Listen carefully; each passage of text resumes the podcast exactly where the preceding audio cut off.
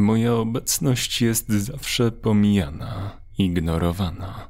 Odrzuca się mnie jako zwykłego woźnego. Ja jednak nie jestem tu tylko po to, żeby zbierać śmieci. Jestem też wykształcony. Muszę być, by zostać przeszkolonym w zakresie postępowania z odpadami medycznymi w prywatnym laboratorium badawczym. Na co dzień mam do czynienia z wszelkiego rodzaju materiałami stanowiącymi zagrożenie biologiczne. Badacze zapominają, że tu jestem i przechodzą obok mnie bez słowa, ale to, że mnie nie widzą, nie oznacza, że mnie tam nie ma. Wiem więcej niż dałbym po sobie poznać. Mam nieograniczony dostęp oraz świadomość tego syfu, jaki tu robią.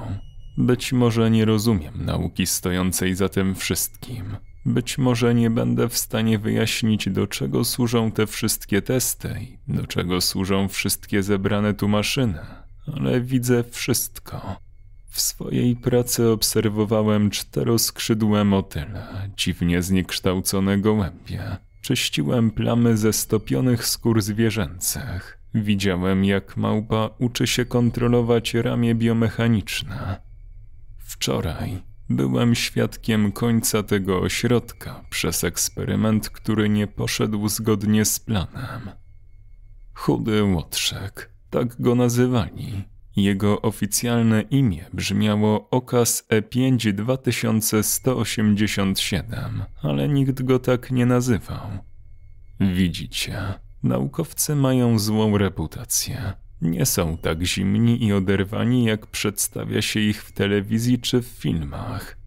Zwykle przywiązują się do swoich dzieł bardziej niż mogłoby się wydawać. Tutaj przykładem tego był zawieszony na rogu zbiornika chudego kawałek taśmy z jego imieniem i uśmiechniętą buźką obok. O ile mogłem stwierdzić, chudy łotrzyk był jakimś rodzajem węża. Miał około 60 cm długości.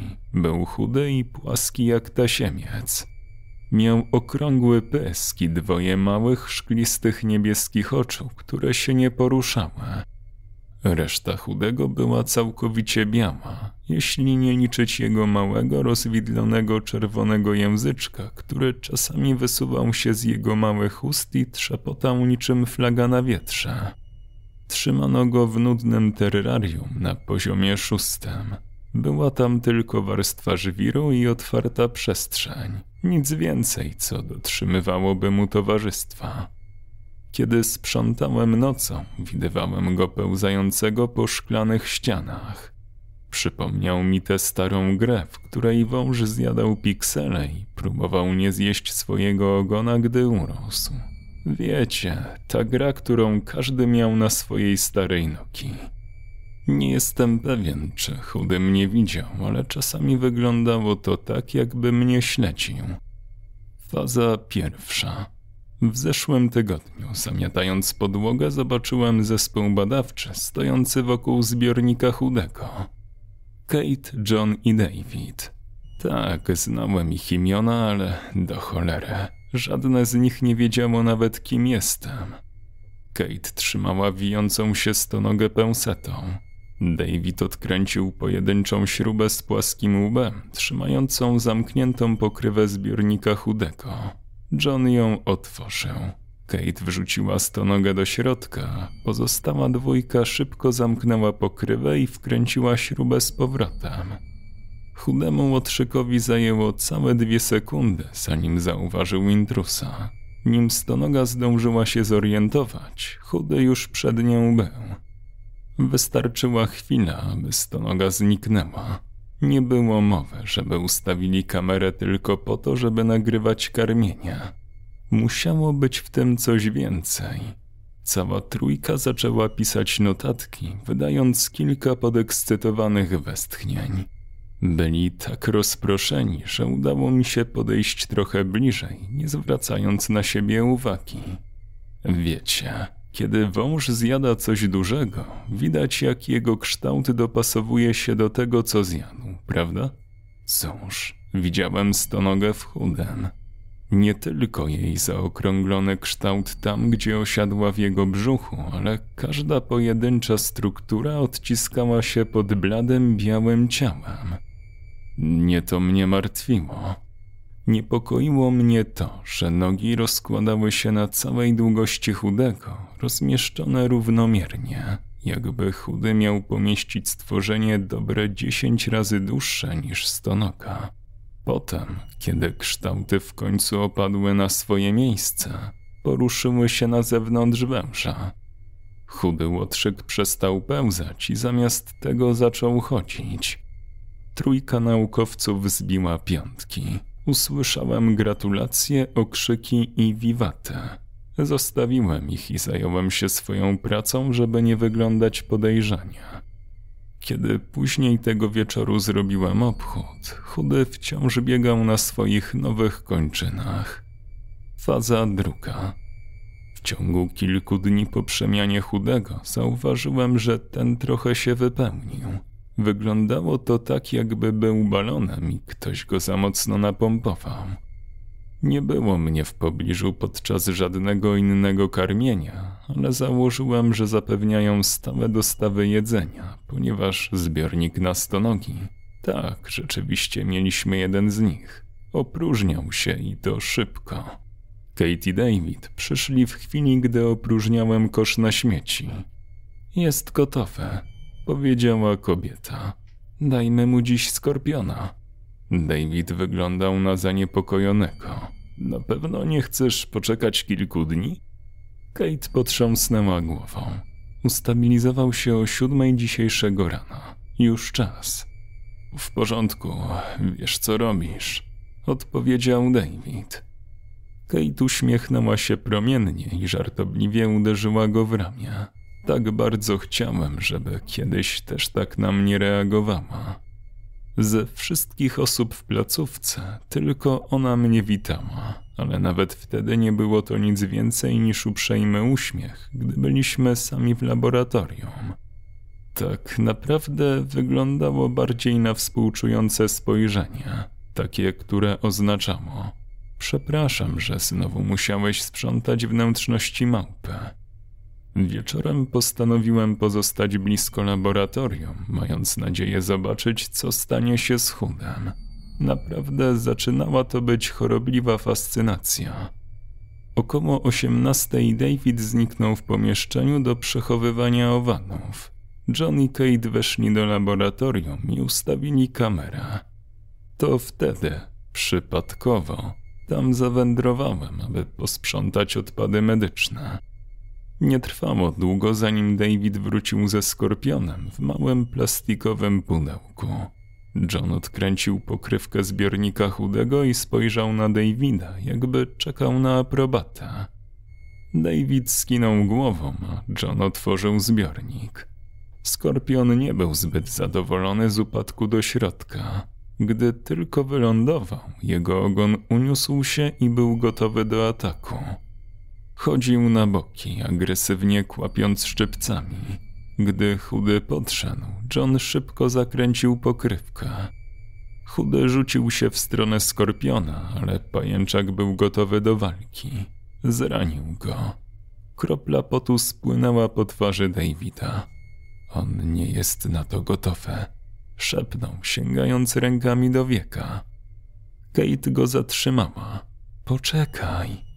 Chudy łotrzyk skakał wokół skorpiona. Jego mały języczek poruszał się tam i z powrotem, jakby kpił ze swojej ofiary. John wyglądał na spiętego, a David był jednym wielkim kłębkiem nerwów. Z całej trójki to Kate jako jedyna zachowała spokój, gdy chudy krążył wokół skorpiona. Kiedy już utworzył niemal idealny krąg, Gwałtownie wskoczył do środka i owinął się wokół pajęczaka ze wszystkich stron. Rozległ się trzask. To stało się tak szybko, że skorpion nie zdążył nawet zareagować. Chudy jednym haustem wciągnął roztrzaskane szczątki do brzucha. Wybrzuszenie na jego ciele szybko się spłaszczyło, ale nic się nie wydarzyło. To, co zjada, musi żyć. Przynieś innego, tym razem ma być mniejsze. powiedziała Kate. Szybko odwróciłem wzrok, gdy David mnie mijał. Udawałem, że nie patrzę, ale nawet gdyby spojrzeli prosto na mnie, nie sądzę, żeby mnie zauważyli. Byłem niewidzialny. Wznowiłem swoją pracę, podczas gdy naukowiec przyniósł kolejnego skorpiona. Kiedy wrócił i byli odwróceni plecami, zatrzymałem się i obejrzałem drugą rundę. Skorpion wszedł do środka. Pokrywa została zamknięta i zakręcona. Chudy łotrzyk rozchylił szczękę i jednym szybkim haustem połknął mniejszego skorpiona. Imponujące. Widziałem zarys stworzenia w ciele chudego. Wydawało się, że jego ogon oddzielił się od reszty i ciągnął w dół rurowatego kształtu chudego, niczym kiełbasa wpychana do wnętrzności kosy. Ogon skorpiona stał się ogonem chudego. Jego małe, słabe łuski zgrubiały i stwardniały jak egzoszkielet. Nadal był biały, ale mocniejszy. Chude brykał po terrarium, uderzając ostrym końcem ogona w szybę, jakby sprawdzał jej wytrzymałość. John, David i Kate byli uszczęśliwieni. Faza trzecia. Nie mogłem być tam dwa dni temu, kiedy przeprowadzali kolejny eksperyment na chudem. Miałem ważne spotkanie, na którym musiałem uczestniczyć poza pracą, ale wynik mogłem zobaczyć rano. Wyrosły mu dwa krótkie ramiona i para silnych tylnych nóg, co pozwoliło mu biegać, kopać, a nawet przenosić kawałki żwiru do gniazda. Szczur, pomyślałem, przyglądając się jego teraz pulchnemu brzuchowi. Chudy łotrzyk nie był już taki chudy. Jego mleczne oczy, teraz większe i z wąskimi źrenicami, podążały za mną, gdy krążyłem wokół jego terrarium. Biegał z jednej strony na drugą, drapiąc szkło nowo nabytymi łapami. Pomyślałem, że jest za duży, by wspinać się po szklanej szybie, ale kiedy z ciekawością w nią zapukałem, zgiął swoje ssacze ramiona i pozwolił, aby te zetknęły się ze szkłem. Z łatwością wspiął się na wysokość mojego palca i okrążył go, jakby chciał go zmiażdżyć, tak jak zrobił to z większym skorpionem. Na szczęście za szybą byłem bezpieczny. Chudy następnie próbował go złamać czubkiem ogona, ale nie był na tyle silny, aby rozbić szybę. Wkrótce wróciłem do sprzątania, nie mogąc się doczekać, aż skończę i wrócę do domu. Niestety, gdy już miałem wychodzić, mój przełożony powiedział mi, że zdechła małpa i muszę posprzątać. Po wyglądzie klatki mogłem stwierdzić, że jej sterylizacja zajmie trochę czasu. Do każdej ściany przykleiły się dziwne, przypominające włosy włókna. Ostrzeżono mnie, abym dla bezpieczeństwa unikał kontaktu ze skórą i palił je. Już miałem włożyć kombinezon ochronny, gdy główne światła przygasły i zastąpiły je naprzemiennie czerwona i pomarańczowa poświata. Wkrótce rozległ się przeszywający skowyt alarmu. To był pierwszy raz, kiedy byłem w placówce w sytuacji awaryjnej i choć znałem protokół ewakuacji, pełny atak na moje zmysły wprawił mnie w drżenie i osłupienie. Musiałem dostać się do tuneli dostępowych, tylko tyle wiedziałem. Tunele te zostały zbudowane i wykorzystywane przez nas, skromnych opiekunów, abyśmy nie, cytuję, przeszkadzali podczas transportu odpadów przez obiekt. Labirynt korytarzy prowadził do niemal każdej części budynku. Stanowił rodzaj podziemnego świata dla niższego personelu, przypominającego windę usługową na tyłach eleganckiego hotelu. To było coś, co trzymało nas poza zasięgiem wzroku, mimo że i tak byliśmy już w zasadzie niewidzialni. Otrząsnąłem się, przyłożyłem kartę klucz do najbliższego czytnika i wślizgnąłem się do tuneli. Nie wiedziałem dokładnie czego się spodziewać, biegnąc przez niemalowane cementowe korytarze i w górę po stromych schodach prowadzących na pierwsze piętro. Musicie wiedzieć, że nie spodziewałem się, iż usłyszę krzyki. Tak, byłem zszokowany, jak tym dźwiękom udało się przebić przez grube betonowe ściany. Zostawałem odcięty od tego, co działo się po drugiej stronie, ale wiedziałem, że było to coś makabrycznego. 50 centymetrów betonu, jeśli dobrze pamiętam. Krzyki przedostały się przez tak gruby materiał. Mogłem sobie tylko wyobrazić okropności, które sprawiły, że mężczyźni i kobiety krzyczeli tak głośno. Przed tym, jak dotarłem na pierwsze piętro i wyszedłem z tuneli, już brakowało mi tchu i byłem zalany potem. Ledwo widziałem przebłysk światła przedostający się przez oszronione okna tylnego wyjścia. Nacisnąłem klamkę, ale drzwi były zamknięte. W panice, chcąc się wydostać, próbowałem wbić się w drzwi, ale te ani drgnęły. Zajęło mi kilka chwil, zanim zdałem sobie sprawę, że światła awaryjne zmieniły się z naprzemiennego czerwonego i pomarańczowego na czerwone. Byliśmy teraz całkowicie zamknięci. Nic nie wchodziło ani nie wychodziło, nie bez specjalnej karty dostępu. Przekląłem pod nosem. Teraz to już naprawdę miałem przesrane. Wycofałem się do tuneli dostępowych, przechadzając się tam i z powrotem w panice. Co miałem zrobić? Może poczekać i mieć nadzieję, że będę bezpieczny w tunelach? Nie, nie mogłem zostawić niczego przypadkowi. Krzyki stawały się coraz głośniejsze, bliższe. Musiałem wydostać się z budynku, wskoczyć do samochodu i wyjechać stąd. Jeśli miałbym jakąkolwiek nadzieję na wydostanie się, musiałbym dostać się do biura ochrony niedaleko głównego wejścia i ukraść jedną z kart dostępu. Nawet nie myślałem o tym, jak to zrobię, jak się tam dostanę. Gdybym miał kartę niezbędną do wyjścia, równie łatwo mógłbym wyjść teraz tylnymi drzwiami. Moja wadliwa, pełna paniki logika mogła mnie zabić. Na szczęście, kiedy dotarłem do biura ochrony, stwierdziłem, że drzwi są szeroko otwarte, a ochroniarz nie żyje. Wskoczyłem do środka i zamknąłem za sobą drzwi, tak, żeby nikt ani nic nie podkradło się do mnie, gdy będę odwrócony plecami. Faza czwarta. Ledwo zdążyłem przeszukać szuflady, a mój wzrok mimowolnie powędrował na ekrany monitoringu. Chudy łotrzek stał się, cóż, łotrem. Wszędzie były ciała, dziesiątki ciał na wszystkich piętrach. Bez wątpienia to było jego dzieło. Po tym, co zobaczyłem, mogłem stwierdzić, że chudy znów się zmienił. Był większy, pełniejszy, a jego przednie ramiona nabrały wyraźnych kształtów. Wyglądało to tak, jakby miał ręce szympansa. Skakał na swoich nogach, w mgnieniu oka przechodząc od jednego światła bezpieczeństwa do drugiego. Od czasu do czasu zatrzymywał się, siadał niezdarnie na tylnych łapach, rozglądał się i zaczynał biec. Śledzenie go było trudne, ale zdałem sobie sprawę z jednej rzeczy. Zbliżał się do mnie.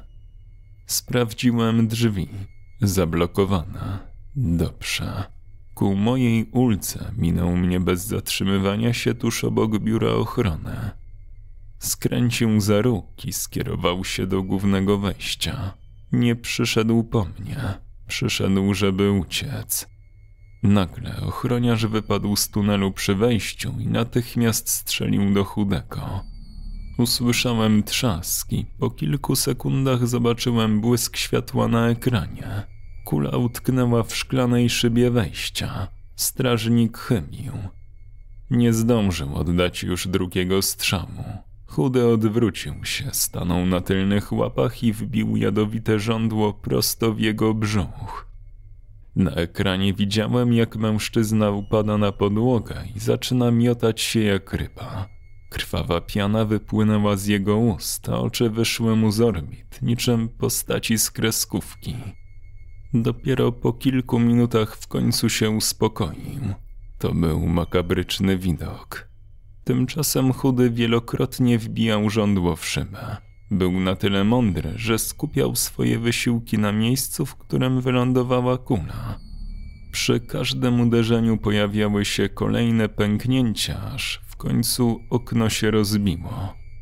Chudy wspiął się na drzwi i zniknął po drugiej stronie. Odczekałem minutę, a potem zebrałem się na odwagę, aby otworzyć drzwi biura ochrony i doczołgać się za róg do leżącego martwego strażnika. Nie miałem zamiaru sprawdzać pulsu. Nie, chciałem jego broń. Wyrwałem ją z jego palców i wycofałem się do biura ochrony. Byłem przerażony. Cholernie się bałem, ale dzięki broni poczułem się choć trochę bezpieczniej. Objąłem nogi i ukryłem twarz między kolanami. Faza piąta. Kiedy tak siedziałem przerażony, słyszałem dzikie szczekanie psów. Mieliśmy kilkanaście z nich rozmieszczonych na całym obwodzie, aby trzymać ludzi z daleka, ale nigdy nie przyszło mi do głowy, że kiedykolwiek będą potrzebne do trzymania czegoś w środku. Miałem nadzieję, że uda im się powstrzymać chudego, ale nie miałem pojęcia, co się tam dzieje. Niepokój i napięcie przenikały przez każde włókno moich mięśni. Psy musiały wygrać tę walkę. Kto wie, co by się stało, gdyby chudemu udało się zjeść choć jednego. Widzicie, chudy nie zjadł żadnego z badaczy i miałem przeczucie, że stało się tak dlatego, że byli dla niego zbyt dusi. Z drugiej strony, psy były prawdopodobnie dobrego rozmiaru. Szczekanie zamieniło się w skomlenie. Psy przegrywały. To tylko kwestia czasu, zanim chudy zje jednego i się przemieni. Zastanawiałem się, jak się zmieni i co zrobi, gdy to się stanie. Czy wspiąłby się na płot pod napięciem? Może wykopie pod nim tunel? Nie zrobił żadnej z tych rzeczy. Zamiast tego wrócił. Nie jestem pewien, dlaczego to zrobił. Nie jestem pewien, czego chciał. Może nie mógł znaleźć wyjścia, więc chciał zbadać obiekt. Może chciał zdrzemnąć się w swojej klatce. Do cholery, skąd mam to wiedzieć? Pamiętam tylko, że podniosłem wzrok i zobaczyłem, jak z łatwością przechodzi przez drzwi. Był większy, znacznie większy, a jego wężowe wargi wydłużyły się w pysk. Z pomiędzy pokrytej powłoką skóry wystawało kilka kępek futra. Był groteskowy. Podszedł do ochroniarza, polizał go rozwidlonym językiem w policzek, a potem połknął go w całości. Przypomniałem sobie, że potrzebował żywej ofiary, żeby zadziałało. A kto lepiej będzie mu służyć jako kolejny posiłek niż ja? Chudy wyszedł za róg i zaczął drapać moje drzwi. Poczuł mój zapach. Jego nowy nos wyczuwał zapach mojego drżenia za metalowymi drzwiami. Trzymałem pistolet mocno, zastanawiając się, czy użyć go na nim, czy na sobie. Faza szósta. Chudy zatrzymał się. Otworzyłem oczy i skierowałem swoją uwagę na monitory bezpieczeństwa. Kate stała na końcu korytarza. Dlaczego do cholery nie pozostała ukryta, gdziekolwiek się ukrywała? Dlaczego goniła za niebezpieczeństwem? Wciąż utrzymywał z nią kontakt wzrokowy. Jego ogon wygiął się włók nad głową, gdy wycelował w nią żądłem. Łotrzyku, kochanie, powiedziała tak cicho, jak tylko potrafiła. Kiedy mijała biuro ochrony, powinienem był otworzyć drzwi i wciągnąć ją w bezpieczne miejsce. Może mógłbym zostać bohaterem, jej bohaterem. Ale nie zrobiłem tego. Nawet nie otworzyłem drzwi. Nie mogłem ryzykować. On był po prostu zbyt szybki. Zamiast tego po prostu patrzyłem. Zmusiła się do uśmiechu. Łotrzyku, wróćmy na dół. Dam ci kilka smakołyków. Słyszałem stres w jej głosie. Po raz pierwszy w życiu widziałem, jak jej pewność siebie zachwiała się. Zupełnie nowa, przypominająca psią, szczęka chudego wysunęła się z zawiasów i rozszerzyła, gdy obaj skręcili za róg. Zamierzał ją zjeść, byłem tego pewny. Nie mogłem do tego dopuścić. Nie mogłem pozwolić mu zabrać Kate. Każdy tylko nie ona. Z wahaniem złapałem za klamkę. W końcu jednak wypadłem z biura ochrony, mocno ściskając pistolet w dłoniach. Było już za późno. Skręciłem za róg w samą porę, żeby zobaczyć chudego pędzącego w stronę Kate. Krzyknęła: Łotrzyku, nie! Krzyk ucichł tak nagle, że wydawało się, iż ktoś wyciszył telewizor. Chudy usiadł na tylnych łapach i przełknął. Jej kształt zsunął się po jego długim torsie i osiadł na dole. Czekałem zszokowany.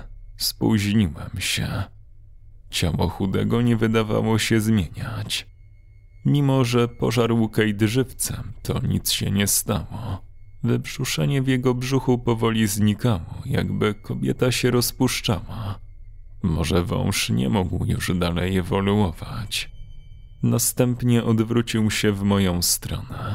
Jego małe niebieskie oczy skanowały mnie od stóp do głów. Jego pysk był szeroko otwarty, a spiczaste kły jak nosza.